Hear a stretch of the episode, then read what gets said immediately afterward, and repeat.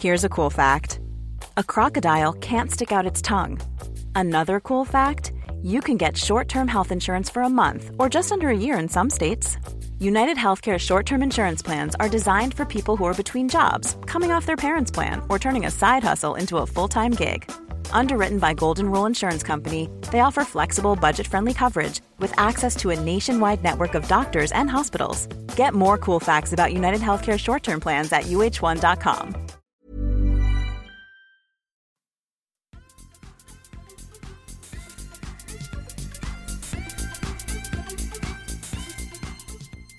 I veckans avsnitt så kommer vi att diskutera den gångna Des Moines Challenge framför allt och vi ger oss även in och tycker till kring eh, Jomes nya ja, påhitt.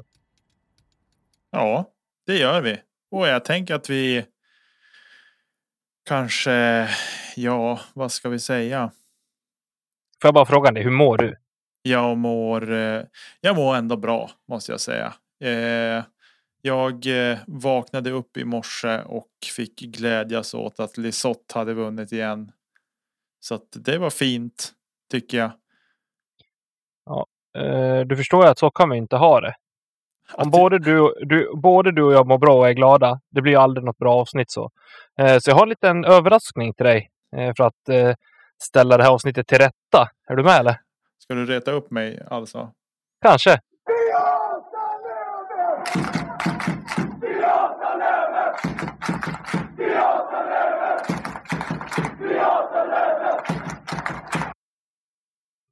Okej. Okay. Förlåt. Blev du inte arg? Nej. Lillebrorskomplexet vet inga gränser så att nej, jag. Det där, är, det där, det där var jag inte speciellt arg av. Jag trodde du skulle slå näven i bordet och stänga av. Nej, men aldrig. Jag är, jag är mer härdad än så. Ja, jag förstår det. Men eh, jag tänker så här att vi eh, drar igång. Jag har skrivit upp en liten summering från den senaste veckan här i discgolfvärlden och eh, så får du bara bestämma sen vart vi ska börja någonstans. Okej, okay, men du, då gör vi så här. Då, innan vi drar igång det, då gör vi så här.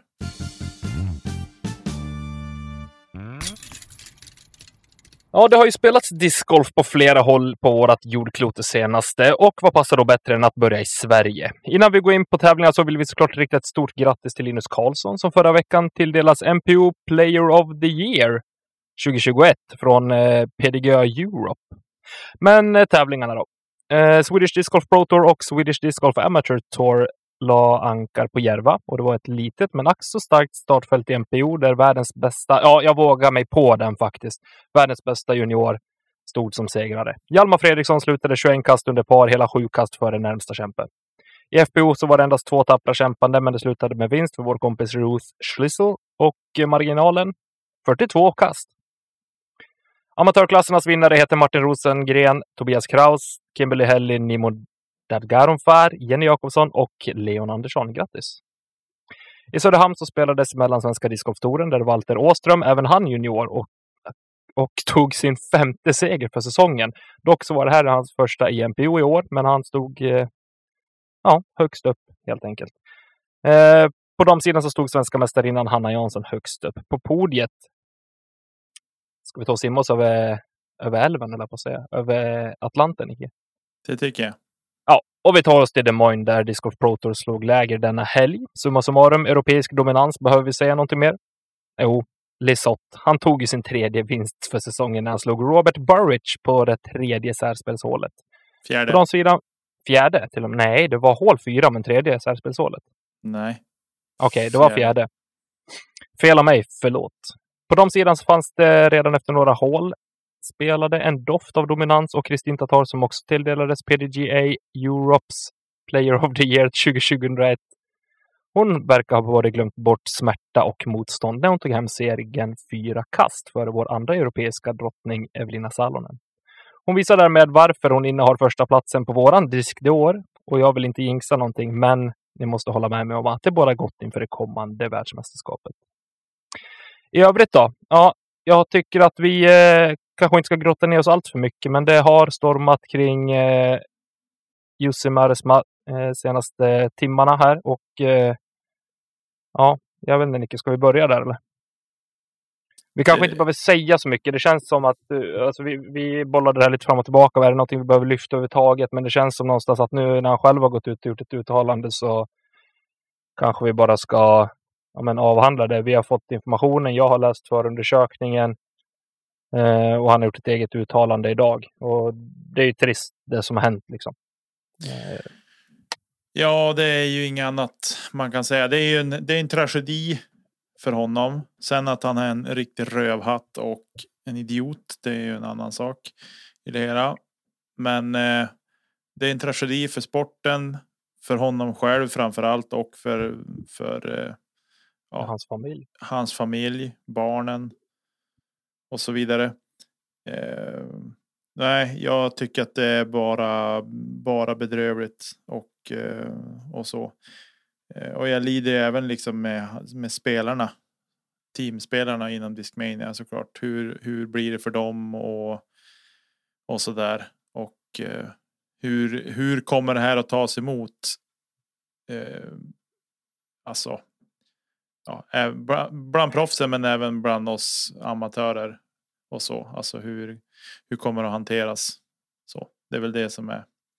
Internet ja. glömmer ju aldrig så att säga. Nej, ryktena har väl säkert florerat några dagar och det kanske ligger till en viss grund att det cirkulerar en hel del Discmania-diskar på Ska vi byta diskar. Sen ska jag inte säga att det bara är därför. Eh, men det är min känsla. Sen eh, som sagt, det, vi behöver inte grotta ner oss så mycket i det, men jag tror att det kommer vara väldigt delade hur man tänker kring det här. Både som du säger som kanske teamspelare för Discmania, men också en vanlig Svensson eh, inom discgolf-communityt. Och det är ju, ja, jag vågar säga allra värst för målsägande och eh, familj. Eh, mm. Väl typ det. Eh, men eh, han har gjort ett uttalande och det kommer väl, ja, han är på det klara med att han eh, ångrar sig och att han vill fokusera på att hålla ihop sin familj igen. Liksom. Och att han har sökt hjälp och inte kommer kommer att göra något mer uttalande eh, offentligt om det här. Så vi får väl se vad eh, eftervågorna blir av, av den här händelsen. Mm. Precis, Nej, det är bedrövligt. Det är ju, alltså själva hand, handlingen som sådan är ju bedrövlig. Det är ju. Skärp det känner man. Så det är ju. Ja, det finns väl inget eh, inget skydd eh, eller inget han kan säga för att skydda sig. Liksom. Det Nej. Nej, det är det inte. Verkligen gjort, inte. Gjort är gjort och så får man ta konsekvenserna och hoppas att eh, ingen har kommit till skada mer än... Ja, nej, jag, jag ska inte säga någonting. Jag vet inte. Nej, det är svårt att veta hur man ska hur man ska tycka. Vi har ju pratat en del om det här eh, lite grann du och jag tidigare och sen vi fick veta det. Och eh, det är ju det är så svårt att ha. Ska man sluta kasta Discmania nu? Ska man sluta kasta Origin som jag tycker är en fantastisk disk till exempel? Det, det, var ju min spontana tanke först. Skynda dig att göra av med allt Discmania innan det kommer ut offentligt. Men samtidigt så här, ja. Nej, jag vet. Skilja på sak och person också lite grann. Kan jag, det, det är min första tanke, liksom, skilja på sak och person. Det är ju inte än om han är så förknippad med Discmania rakt av och han är.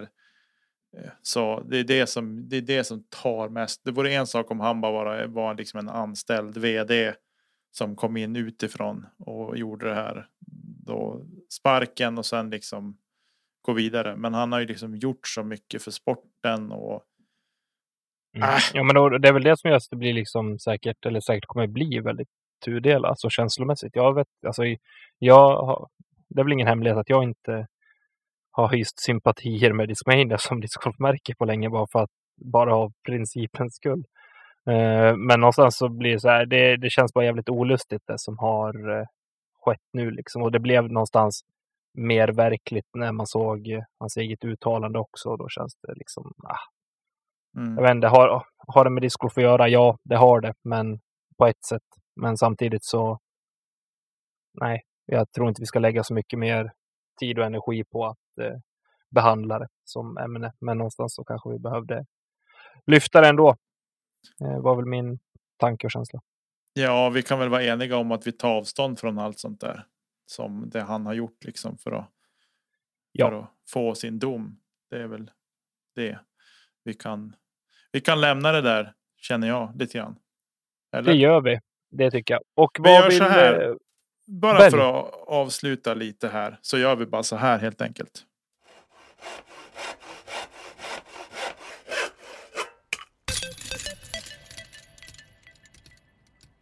Nu kan vi gå vidare.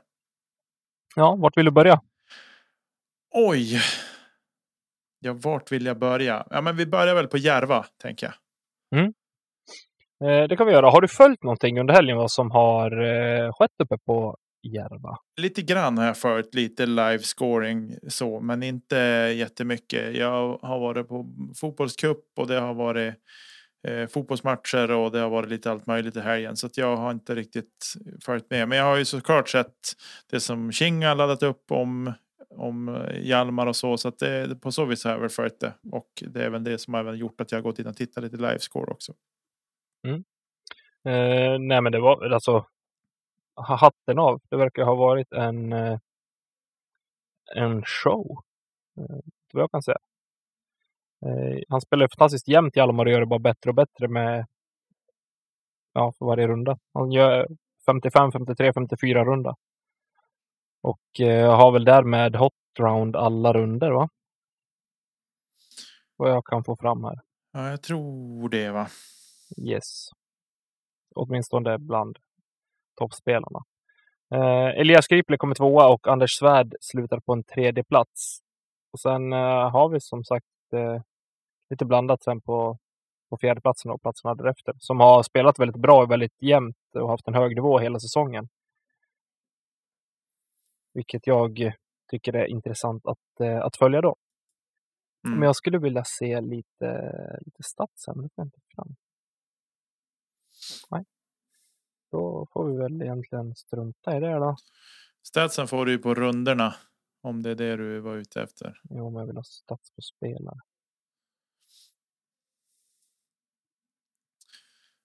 Ja, nej, jag har inte riktigt lärt mig det här än. Vi får ta det en annan gång. Eh, på de sidan två, två deltagare, men Ruth eh, visar ju på en eh, ja, att hon kanske är bland de bättre spelarna i Sverige just nu. Och det visar hon inte minst på SM senast också. Mm. Att hon har, är med i toppen. Där hon är med helt enkelt. Mm.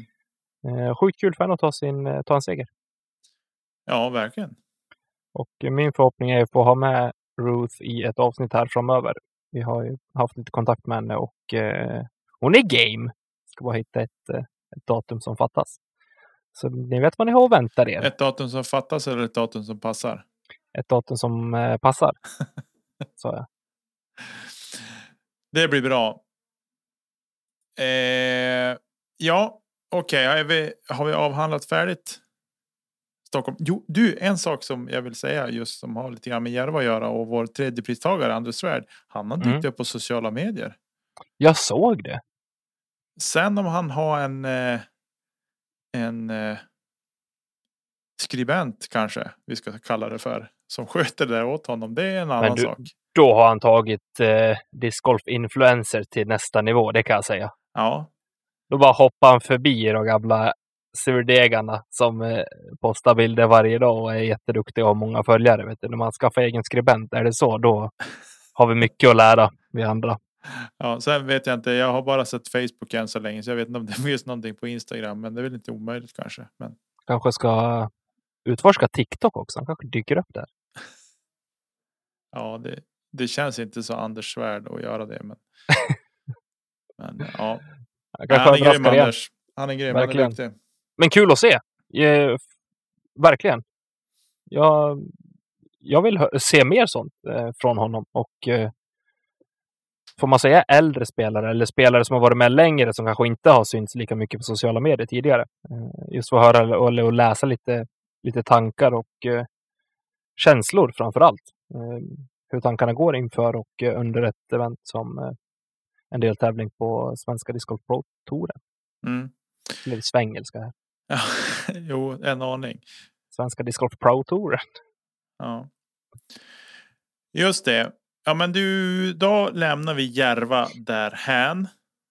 Det tycker jag. Kul att spela discgolf på Järva. Ja.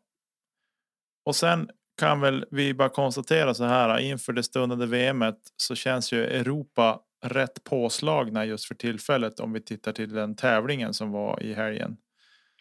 Ja.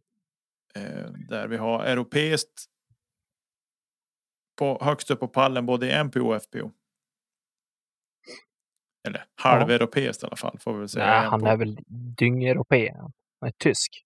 Ja, men pappa är kanada kanadick så att det är väl. Men.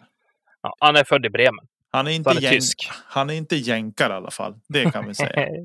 Fet glömma att han är. Men eh, tre pallplatser av sex möjliga till Europa eh, den här helgen. Och eh, för, är du förvånad att Lisotte tar den här titeln eller? Alltså nu, jag har ju här i eftermiddag sett post på finalrundan eftersom att jag inte orkar hålla mig vaken. Jag somnade ju ungefär på Lisotts andra kast på hål 1 igår kväll. eh, och, på sista rundan då, inte på särspel? Eh, på sista rundan, precis.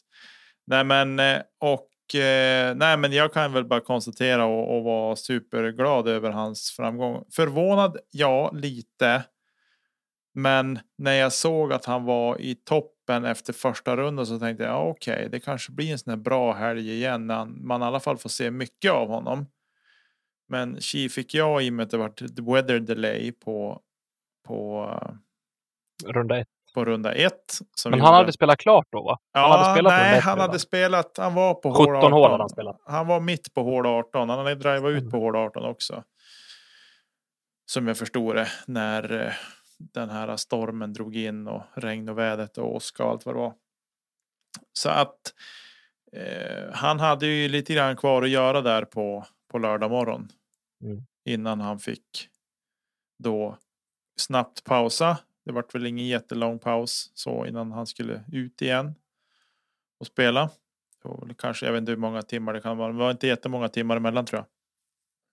Som Men alltså från att de satte igång igen? Ja, de sköt ju upp det till dagen efter. Ja, Så fast... Klockan sju eh, körde de igång på morgonen. Jo, precis på lördagen ja. Men sen ja. gick han ju sin, han spelade ju klart hål 18 då. Sen hade han ju bara en kort paus innan han skulle gå ja, ut men, igen. Ja, exakt. Det var, ja, Eftersom att han gick ut i tidig grupp på, ja. på uh, fredagen. Precis, för de körde ju samma, samma grupper där, runda två, som två. startade runda ett för att det skulle bli rättvist. så rättvist det gick. Då. Det tycker jag kan väl tycka, det upplägget funkar väl eh, under en sån Alltså när det händer någonting sånt. Ja, det, jo, så, så är det ju. Det är ju baksidan med T-times att eh, då det blir så här så då får man ju liksom lösa det så. Det var ju en smart. Jag var lite så förvånad när jag såg att att eh, för jag gick in och tittade då på på Judisk live så gick jag in och tittade så bara men Mario typ att han skulle tia ut om tio minuter. Jag bara, men vad i hela friden? Fick inte ihop det för överhuvudtaget. Så bara såg jag Lesoth Bara, Nej, han ska tia ut om en och en halv timme. Ja, men du, nu är det inte många rätt i det här. Men då sen när jag, liksom, du hojtade till om det och då var det så här. Ah, okej, okay, nu är jag med på, på vad som händer.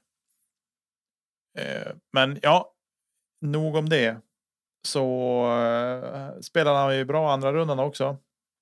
Kanske inte superbra, men han spelade tillräckligt bra i alla fall för att få spela på lead card sista mm. rundan mm. också. Med eh, två relativt okända spelare. Tycker jag ändå. Eh, Robert Burridge mm. och Evan Smith va? Hette han väl tror jag. Ja, stämmer. Evan Smith killen. är ju ung kille som eh, ja, utifrån den informationen jag fick höra så är det en eh, riktig träningsprodukt. Spenderar många timmar på banan och eh, frågar gärna eh, stora proffsen efter hjälp. Han hade varit i kontakt med Paul Macbeth för något år sedan och eh, frågade okej, okay, vad ska jag göra för att bli bättre? Paul hade sagt eh, träna åtta timmar om dagen och så kommer du tillbaka till mig sen. Mm. Och nu ett år senare så ja, då är han här. Mm. Precis. Spelar även för Clash Disk ska vi säga, så det är en teampolare till, till Elina. Mm. bra. Kastade lite blandat såg jag. Ja. Både Force och eh, Destroyer och lite sånt där. Mm. Även popcorn såg jag. Även popcorn. Jag Om kastade man- popcorn i helgen också. Jaha, du ser där. Ja, Besviken. Blev ett par. Ja, det tror jag inte hade med disken att göra, men Det var ett dåligt släpp igen. Men nej, Eh. det, vi ska inte prata om mig då. Eh, jag är eh, lite förundrad. Den stora egentligen snackisen efter det här var väl, eller som folk runt omkring ska få ge sin åsikt kring, är var det rätt beslut av eh, Burridge att eh, lägga upp där på hål 4? Han låg ju, vad hade han? 45, ja men 15-16 meter. Ner mot ja, vattnet något sånt. och låg lite snett bakom ett träd. Lisotte hade väl eh, ja, strax innan eller strax utanför cirkel 1 för, för tvåan som han satte. Mm. Eh, Och Burridge valde att eh, lägga upp. Han gick, han gick ju först. Mm. Och, eh, ja, det är frågan om det. Ja du, vad ska jag svara på det där? Alltså, utan att ha sett hans... Jag, såg bara att han hade trä mitt framför sig. Mm. Eh, typ två, tre meter framför sig hade han ett träd. Eh, och utan att ha sett linjen han hade så lite förvånande på kanske på ett sätt. Men på ett annat sätt inte. För det, är- det är liksom hans bästa placering på en sån här stor tävling någonsin. Jag tror att han var svinnöjd ändå. Han var nog jättenöjd efter att de hade spelat 18 hål och att det var ett särspel. Jag tror liksom att han var nöjd då såklart. Men sen även se då på om det var på hål 3 där. Då dräpte han ju i typ en 25 metare från väldigt långt håll och då låg Simon typ på 14 meter eller någonting också. Mm. Och fick ju pressen på sig att sätta den putten. Eh, vilket han gjorde. Det var ju på, nätt och jämnt att den, att den satt, men det gjorde den. Eh, och sen då på hål 4 så avgjordes det. Jag skulle säga så alltså, det har man inte koll på där och då. Jag tycker också att så, när jag såg det i natt när jag vaknade, för jag vaknade av jublet när det skulle bli särspel. Jag hade datorn på. Eh, Så kollade jag på, på särspelet och så såg jag där och då, men när han lägger upp, jag tänkte det är ju ingen putt man går för. Jag trodde dock att Lisotte låg lite längre ifrån än vad han gjorde. Men samtidigt så här med fast i hand, Lisotte har inte missat en putt i cirkeln på hela, eh, på hela helgen Mm. och är men, strax utanför då, Mm. Mm, för den här tvåan. Så ja, där kanske han skulle ha gett en liten bid, men samtidigt så här, nej, i det läget var lite kall och lägg upp. Alltså det är en bra putt att bli sått och vinna han på det, ja då är det bara gratulera liksom. Ja, han hade ju en, han hade ju en till putt på hål, kan det ha varit på hål 17 under rundan tror jag. Också där Simon hade en putt från kanske 14-15 meter som liksom han knöt näven när disken var halvvägs iväg dit till korgen liksom för att han visste att den här är i. Mm. Eh, och, Ja, hål 16 var det nog. Ja, det kanske var han. Det är ett lite knepigt hål. De kastar ju blint och så är det jättemycket OB nere kring korgen. Jag vet inte Mm. om det är 16 eller 17. Ja, men sak samma. Ja, hål 17 hade han en tap-in på. Så. Ja, just det. Det är det korta Origin kastande för övrigt. Mm. Nu när du säger det. Eh, Men eh, nej, han var stekhet med putt, i puttningen i helgen. Det går inte att säga någonting om. Hatten av. Men han är så där ibland. Ibland är ju, sitter ju allt och ibland så är han ju klappkass. Det är lite off. Att, Det är väl det som är lite oroväckande inför VM där det ändå ska spelas fem runder på två olika banor. Även om det är banor som passar honom. Båda två. Jo, han sa det. Han sa faktiskt det i intervjun efteråt med, med vad heter han? Brian. Mm. Så sa han det att ja, men majors är inte min typ av tävling. Jag får inte ihop det mentalt, sa han. Liksom. Han, han visste inte varför, men han, han konstaterade att på majors det är då det går dåligt för mig.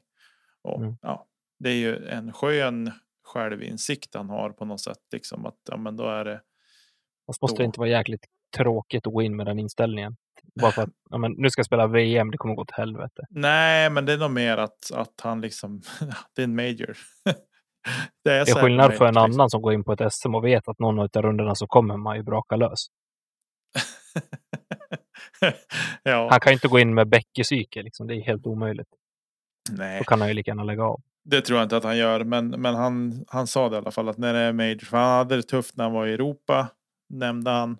Mm. Och, eh, och här var det ju major och det är klart att när det blir de major nu på VM också så får vi se. Men nu ska han hem och träffa familjen i någon vecka innan han ska börja bege sig och göra sig redo för Emporia då. Och de två banorna som ska tacklas där. Eh, och jag hoppas att jag tror så här att är Simon med efter tre runder då kan han bli livsfarlig. Mm. Det Mm. tror jag. Men tre runder är mycket golf och man har sett honom rasa igenom på eh, tidigare också tyvärr på sådana saker. Men eh, VM ska bli grymt spännande. Jag tror. Jag tror inte att Konrad kommer att försvara sin titel. Utan, Nej, det vågar väl till och med också slå spiken i att han inte kommer. Men sen, för det är inte hans typ av banor det där. Eh, men sen Eagle ska spela. Och sist Eagle spelade vet vi hur det gick. Hur det gick. Japp. Och eh, ja, nej, det ska bli fruktansvärt spännande att följa. Och det drar igång redan på tisdag. Eh, Ja, så mer om veckan. det kommer ni få höra i våran VM-special som släpps troligtvis på måndag. Då. Precis. Och eh, ja, nej, men det ska bli superduper spännande alltihopa. Känner jag. Eh, fråga bara vad tycker du om banan? På, för VM tänker du? Eller, eller nej. Des- Des Moines? VM tar vi nästa vecka. Okej, då släpper vi VM nu. Picket Des Moines. Park. Nej, men jag, nej, fantastisk bana. Det tycker jag absolut att det är. Jag tycker att den är. Eh, är grym, men ruffen är ruff. Ja, alltså Håll dig på fairway. Estetiskt sett så är det ju en bana, den banan på Disc Golf Pro Tour som jag eh, vill spela mest av allt. Tills man är i ruffen. Nej, nej, nej. Jag spelar sävar, det är lugnt. Säva ruffen är inte ens så. Den, den är som gles. Den är som ett kalhygge i jämförelse mot Ja, den där den ruffen. är hemsk. Eh, Så det här är en bana som jag eh, verkligen hade velat spela. Ja, nej, den ser fantastisk ut. Banan. Det säger jag absolut ingenting om. Jag tycker att den är, eh, fin, tilltalande, tuff.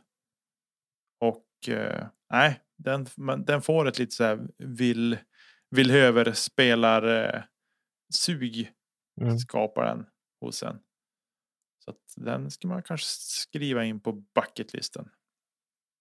Ja, de gångerna vi har vägarna förbi Des Moines i Så ska vi Iowa försöka. kan vi väl bara klämma in den där om vi ändå åker förbi. Ja, Eh, det lovar jag att vi gör.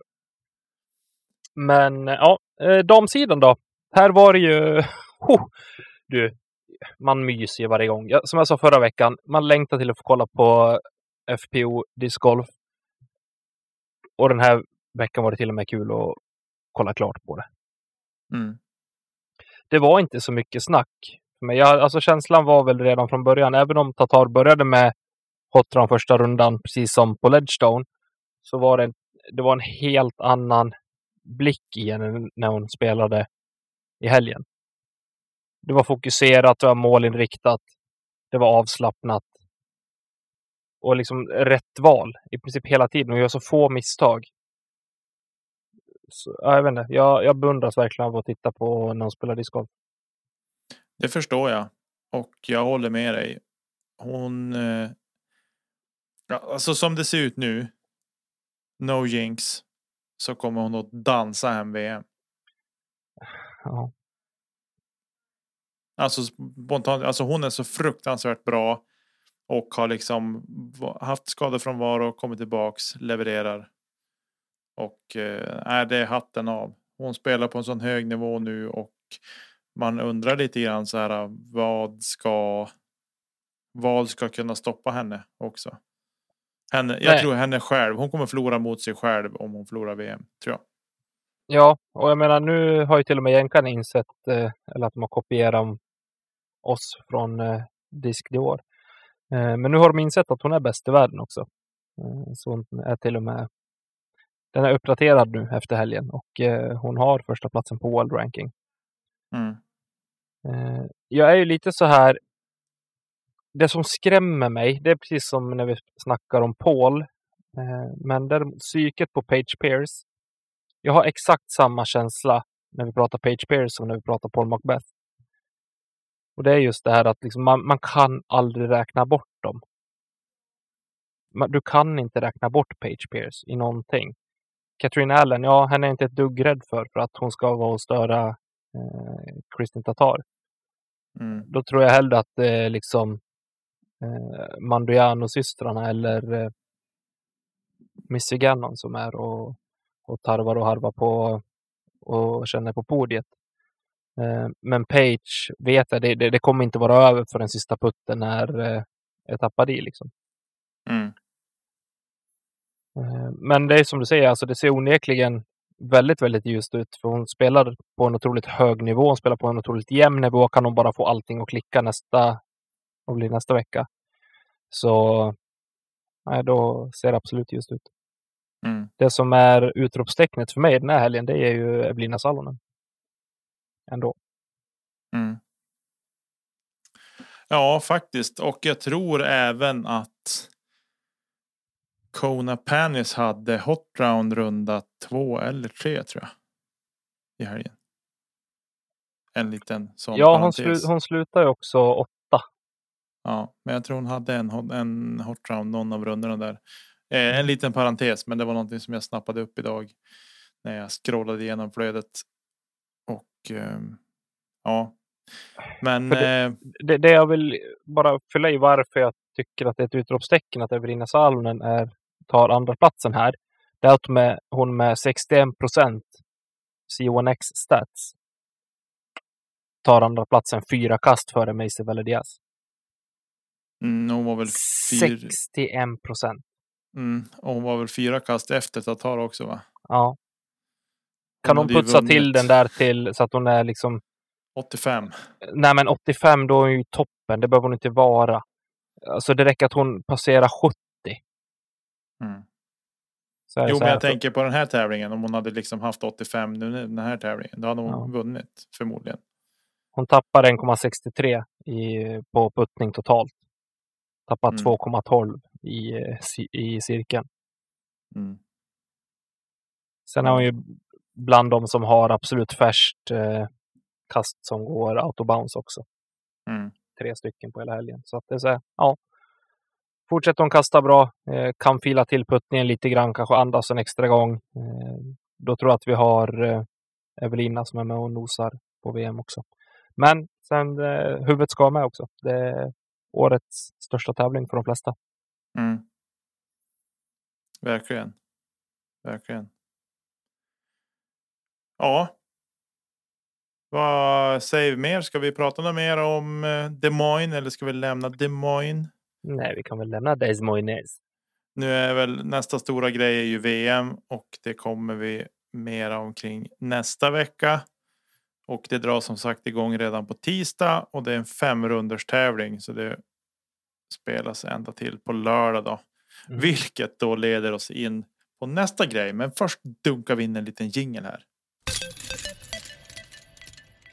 Men alltså det här. Jag blir så full i skratt. Jag har, alltså. Lyssna noga nu, för jag har ingenting emot post production. Jag föredrar bara att se sport live. Men nu ska Jomes alltså ha någon typ av liveshow med någon som alltså spelar in kommenteringen för finalrundan på VM morgonen efter VM avslutad. Är det bara jag som tycker att det här är jätteroligt? Nej, jag tycker att det, jag tycker att det är väldigt märkligt på ett sätt. Det är som, alltså, folk har ju redan sett, alltså, de ska ha göra det på plats i Emporia också. Mm. Så 99,7 procent av de som sitter i den publiken och lyssnar på när Nate Sexton, Jeremy Colling och eh, Paul Juleberg ska kommentera finalrundan kommer alltså sitta och lyssna på kommentering till det de kvällen innan eller eftermiddagen innan har sett live. Mm. Om man har köpt biljetter. Mm. Det är som att sätta på ett femte hjul mitt under bilen. Mm, ja. Men vad är grejen? Och enligt, enligt eh, vad de säger i, i videorna nu, det här är deras största announcement i år. Ja, Kan- fast jag kan tycka Antingen någonstans- har jag fått det helt om bakfoten, att det här är någonting jättecoolt och jättestort, men jag, jag får inte ner det. Jag tycker att det är helt från bettet. Vad Ja. är det här för något? Alltså min tidsram är ju helt skev. När var det vi konstaterade eller när var det vi pratade om att de hade betalat 500 000 dollar till DGPT för att få sändningsrättigheterna på på liksom eh, lead card varje runda. Ja, det var efter 19 januari 2020. Jo, det vet jag att det var. Men det var väl till, var det i våras? Det var ju inför, inför i år. Inför i år va? Visst var det så? Ja, det tyckte man. Och klart, då var det i fjol i sådana fall de pratade om det. Men äh, det här tycker jag väl. Det är som att de, de försöker ju överträffa sig själva lite grann med det här. Och eh, det ska ju vara. Det ska ju inte bara vara live-kommentering. Det ska ju vara en massa annat jox där också. Jo, vet skulle väl ha DJs och, och grejer också. Det skulle Ja. säkert bli någon typ av uh, liveshow och allting. Ja, Så, eh, men det lät bara så kul. För jag satt verkligen och... När jag såg det här och de började spela upp v, alltså VM-bilderna från i fjol i bakgrunden. Så tänkte jag, ja, men ska Jomes köra live, alltså finalrundan live? Det här kommer bli kanon. Har de Mm. ändrat sig och bara vänt på en femöring nu? mm. Så bränner han av det här. Live-kommentering. Ni ska få sitta och titta på och lyssna när vi kommenterar. Jag bara, vad i helskotta. Men jag kommer självklart att eh, stötta honom i det. Jag tycker att eh, jag blev bara förvånad. Jag är mest chockad tror jag. För jag förstår nog inte grejen. Men det, ja, så kan det vara. Ja, alltså jag undrar lite så här. Undrar om det här kan vara en sån där grej som deras patrons har fått tycka till om. Bara, vad skulle ni vilja att vi gjorde? Och så är det någon som har kläckt idén om att men jag vill att ni kör live-kommentering. Att vi får sitta med när ni spelar in er att Alltså jag kan tänka mig att det kanske är skitkul ändå. Om man inte har sett finalrundan. ja, men hur ska du kunna ducka undan det helt och hållet? Nej, jag vet inte heller. Alltså Jeremy gjorde ju det på någon tävling. Han åkte ju från banan när han hade kastat färdigt. Och visste inte hur det gick. Jag vet inte om det var på. eh, Om det var, det var på någon av tävlingarna som Simon vann tror jag. Han hade liksom stängt av sin telefon och allting. Och så sen när han kom och så kommenterade han. Och då hade han ingen aning om vad, hur resultatet hade blivit. Eller hur det hade gått. Nej. Det är lite häftigt ändå. Det är häftigt. Bra gjort att kunna ducka undan. Tycker man ju när det, de är i det på det sätt de är. De kör alltså den här live-kommenteringen eh, Big Sexy Barry och eh, man kan förvänta sig lite specialgäster och eh, Starframe, DJ Starframe ska spela Jomes Pro-musik. Eh, med lite överraskningar och sådär. Så det blir ju säkert en fet show att vara där. Mm. Så det är garanterat inte så att de kommer centrera allting kring finalrundan i så fall. Men eh, ja, jag, jag vet inte, jag kanske jag är bara tagen på sängen. Jag tyckte att det kanske låter, det låter ju kul på ett sätt. Om man kan köpa någon livestream och se det live, alltså se live inspelningen live på post production. Ja. Följ med i liven till liven på liven på post production. på söndag kväll. ja, när du säger det så där så då, ja, kul. Väldigt Ja. roligt. Men som sagt, jag tycker om Jomes. Jag tycker att de eh, är jättebra på det de gör såklart. Eh, jag tycker bara att det här var coolt Kul. och roligt. Ja. Det tycker jag också. Eh, du, eh, jag tänkte så här. Ska vi rulla in mot en avslutning på det här eh, avsnittet och ta lite disk i år eller vad säger du? Jag behöver göra det. Nej, stäng klar. Vi, vi kör lite disk i år tycker jag. Okej.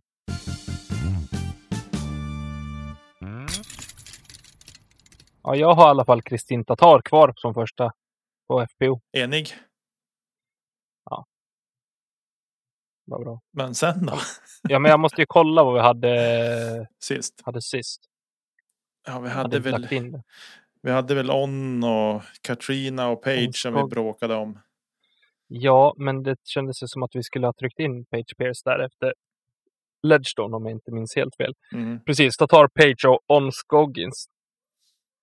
Mm.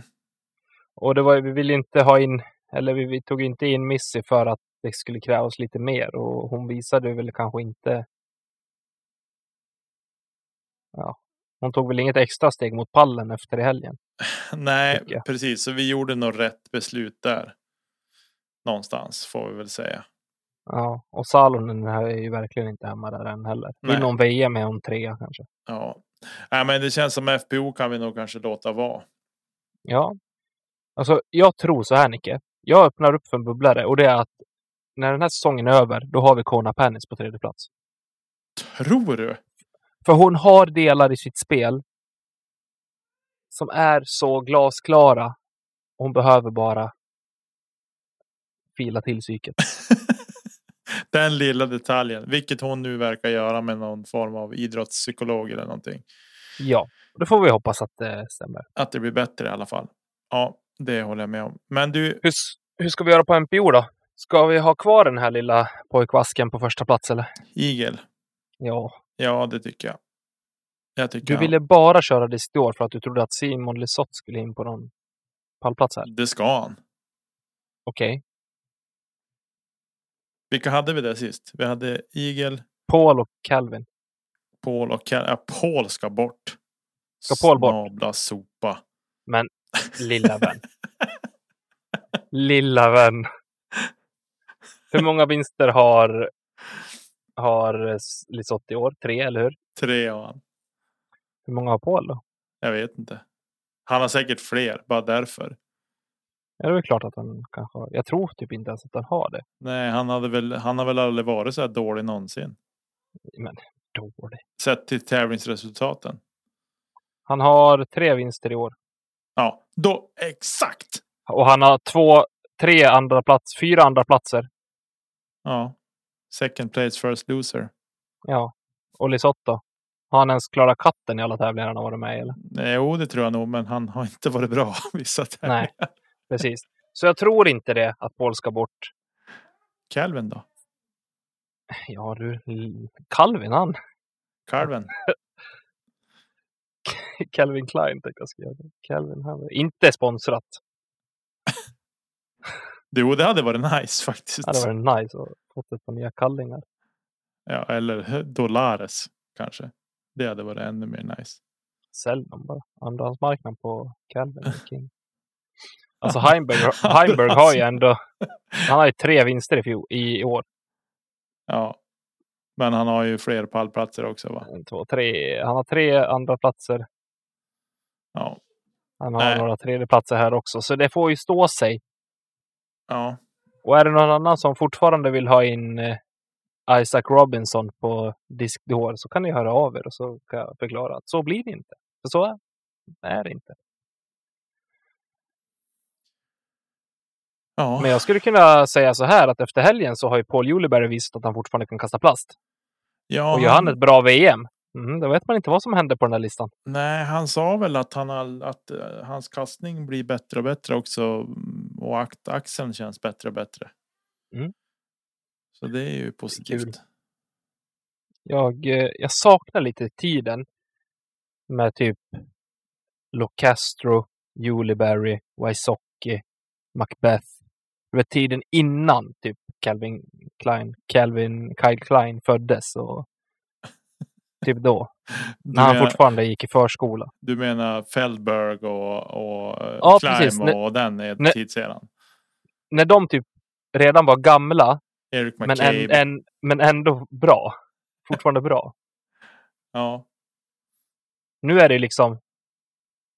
Från att jag började kolla på discgolf, då var det typ, då var det typ David, Dave Fellberg och eh, Johnny McRae. De är ju Paul Macbeth och Ricky nu. ja. Vi måste ha den här, jag vill ha upp den här rivaliseringen. Jag vill ha två, tre, fyra spelare som bara slåss om det varje tävling. Jag tycker inte om när det kommer upp massa nya. Nej, alltså en lyssnare till oss och även en vän till dig och mig. Han hävdar ju att discgolfen är död. För att Eh, det inte finns någon att jaga längre. För att den har planat, planat ut lite grann. Att eh, Eagle och Simon de, här, de har haft Paul att jaga. Paul jagade Climo. Eh, Climo han var skapade sporten i princip. Nej men det gjorde han inte men ändå. Eh, och jag håller väl inte med helt hundra i det för att jag tycker att högsta nivån på discgolfen just nu är ruskig. Ja, så är det ju. Men jag, alltså, jag håller inte heller med till 100 procent, men jag förstår någonstans vart de vill komma någonstans. Mm. För varje sport har ju sin, alltså, sina, sin eras stjärna, liksom toppdog hela tiden. Mm. Men nu känns det inte som att discgolfen har det. Och det kanske är för att utvecklingen, både alltså gräs, gräsrotsdiscgolfen och eh, den professionella delen av sporten har vuxit så pass snabbt och vuxit så pass stark. Ja, och Och det finns ju, alltså för mig finns det en charm i det också. Det är bara det här att nu är det verkligen så många att hålla reda på. jo, Vem, vem är Robban Burridge liksom? ja, han dök Han upp. var ju Han- duktig. Ja, han var ju duktig. Jag spelade amatör i fjol och, och Ja. grejer. Eh, nej, men det är klart att det, det är svårt det här och det är inte kanske så lätt alla gånger att hitta någon. Men det är ju att det måste ju vara någon som verkligen vill jaga det här och bli den som verkligen går all in för att vinna allt jämt och verkligen utveckla ännu mer. Eh, men man undrar ju liksom så här. Hur ligger vi till fysiskt med, med alltså fysikens lagar? Hur långt skulle man kunna kasta en disk teoretiskt sett? Alltså, eller vars, vars ligger den begränsningen? Hur precis kan man bli? Hur kommer man någonsin att kunna vara att man är on point i exakt varenda kast man gör? Kommer den spelaren att komma? Ja, men det är också så här äh, sporter som är mycket äldre än vad discgolf är. Ta vilken, alltså vilken friidrottsgren som helst. Hur högt kan en människa hoppa? Ja, Hur långt kan en människa hoppa? Hur snabbt kan någon springa? Det, här, det kommer vi aldrig få veta. nej, exakt. Men om vi tar till exempel världsrekordet i längdhopp. Mm. Som slog, det togs ju typ 92. Av Carl Lewis som hoppade 8 och 98 eller något. Typ. Eller ja, jag kommer inte ihåg hur långt han hoppade. Men han hoppade ju sinnessjukt långt i alla fall. Och nu så här, nu är det någonstans så här, ja men 8 meter, då hoppar man jättelångt. Mm. Alltså det är inte ens Men- nära. Och nu ska vi säga, det var under en era när dopingen var inte lika kontrollerad som den är idag. Alltså, eller det var lättare att dopa sig Så då. du påstår att han var dopad när han gjorde det här? Jag säger inte att det kanske var så eh, fastän det var så. Men Men tänk så också då, då finns det folk som har gått 18 under. Jag vet att det blir jättemycket mer diffust. Men eh, med olika banor, olika motstånd och så vidare. Men fortfarande, Paul har gått 18 under två gånger på två, dessutom. två, ja, två tävlingsrundor. Mm. Är det det som ska vara någon form av mätstock liksom? Eller är det bara att banorna är för lätta? Eller är det för att spelarna... Nej, men jag tror nog mer det handlar om en dominans. Eh, men det är lite svårt också att jämföra liksom 100 meter löpning eller Mm. längdhopp. Det är Ja, ju, det blir en, en absolut siffra. Jo, det, blir blir en konkret siffra. resultat. Men, och det blir även, alltså där är liksom så här, ja men hur hård var banan eller hur var vinden?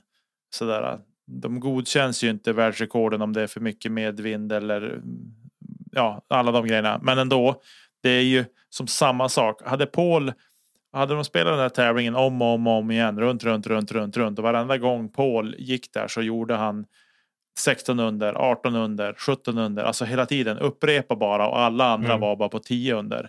Då är det klart att då kan man säga att ja, men han är världsdominant. Han är världens bästa spelare.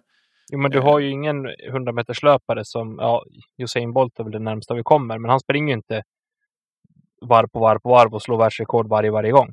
Nej, precis, men han är ju ändå liksom så fort han har ställt upp i en tävling så har han ju vunnit. Jo. Alltså han, han hade ju den. För det vi inte får glömma bort, det är att man tävlar inte mot moder natur. Du tävlar ju mot andra i fältet och så länge du spelar ett varv på färskt kast så är du fortfarande bäst. Oavsett om du går 18 under eller om du går 2 under. Ja. Och vinner du på 14 sekunder så är du fortfarande Bäst där och då. bäst där och då än om du vinner på 10 sekunder också. Mm. Precis, så det är lite svårt. Och det är lite inte så lätt att applicera över mot discgolfen även fast det är en, en individuell Nej. sport. Men Och, och det jag hoppas inte någon tog att det var det jag försökte göra. Jag försökte bara någonstans hitta ja, hitta någonting annat att, att prata om. ja, men jag, För det, jag, det är en jättesvår svår diskussion att komma fram till någonting i. mm, För det är jätteintressant som du säger. Ja, men jag tror att någonstans charmen ligger, charmen ligger i att vi inte heller kommer få veta att så här långt är faktiskt det längsta vi kommer kasta. För folk kommer fortfarande, fortfarande prova att kasta längre. mm. Men det är det som är grejen. Vart i finns drivet till att bli liksom bäst på att kasta längst men även bli bäst på att göra det med precision. Mm. Förstår du? Att man på något sätt, för jag tror att med Det enda sättet vi kan räkna i nu, det är inte pengar. Det är ju, det är ju antalet titlar, antalet vinster. Färst gjorda kast på en säsong, alltså vad som helst. Du kan ju dra det hur långt som helst. Mm, Förstår du när vi är nere på nivån och pratar statistik som man gör i fotboll eller hockey? mm, Med spelade minuter, antalet och liksom så här många skär tog han i det här bytet. Ja. Nej, men Det det jag vill komma till är lite någonstans så här. Med pengarnas insteg i discgolfen så har kanske strävan efter att bli eh, bäst i världen strävar de efter såklart de i toppen, men att liksom driva det och bli förstår att de blir en Mm. nya Ken Climo eller att Paul Macbeth fortsätter att vinna titlar och vara liksom dominant på det sätt som han har varit. För i fjol pratade vi liksom, varenda tävling Paul ställde upp i så vann han i princip. Eller om det var i förfjol. Alltså det var Mm. liksom inte roligt. Det var liksom dödfött. Ja. att prata om det.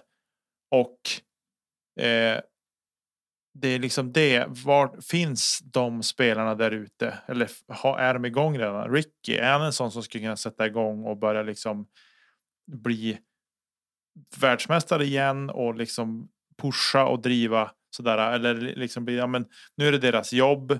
De har fått miljonkontrakt. De betalar tillbaks till sporten med, med sina foundations. Alltså förstår du?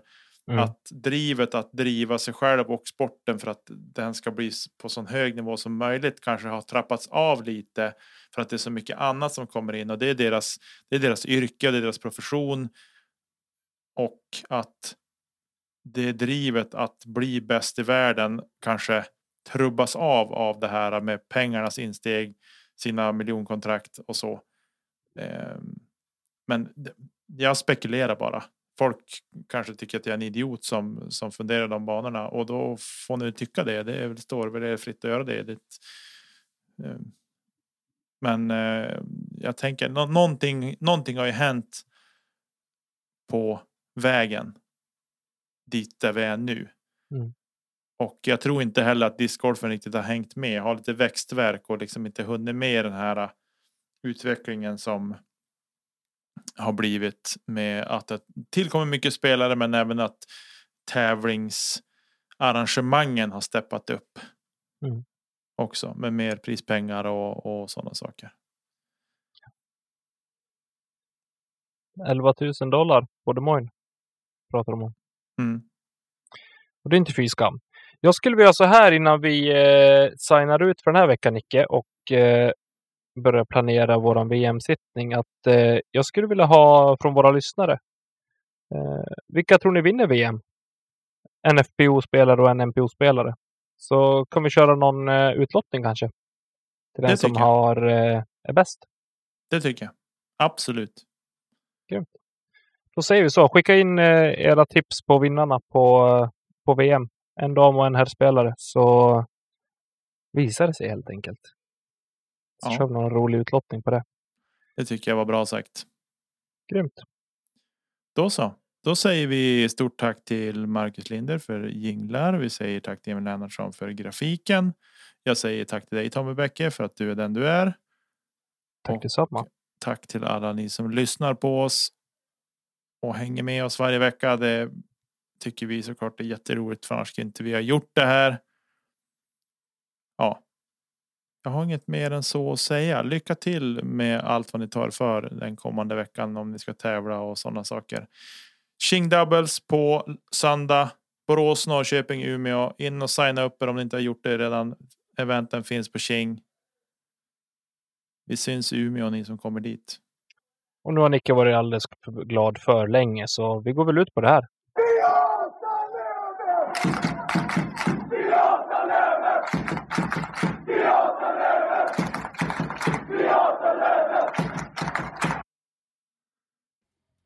Puss på er ute. Ta hand om er. Vi hörs nästa vecka.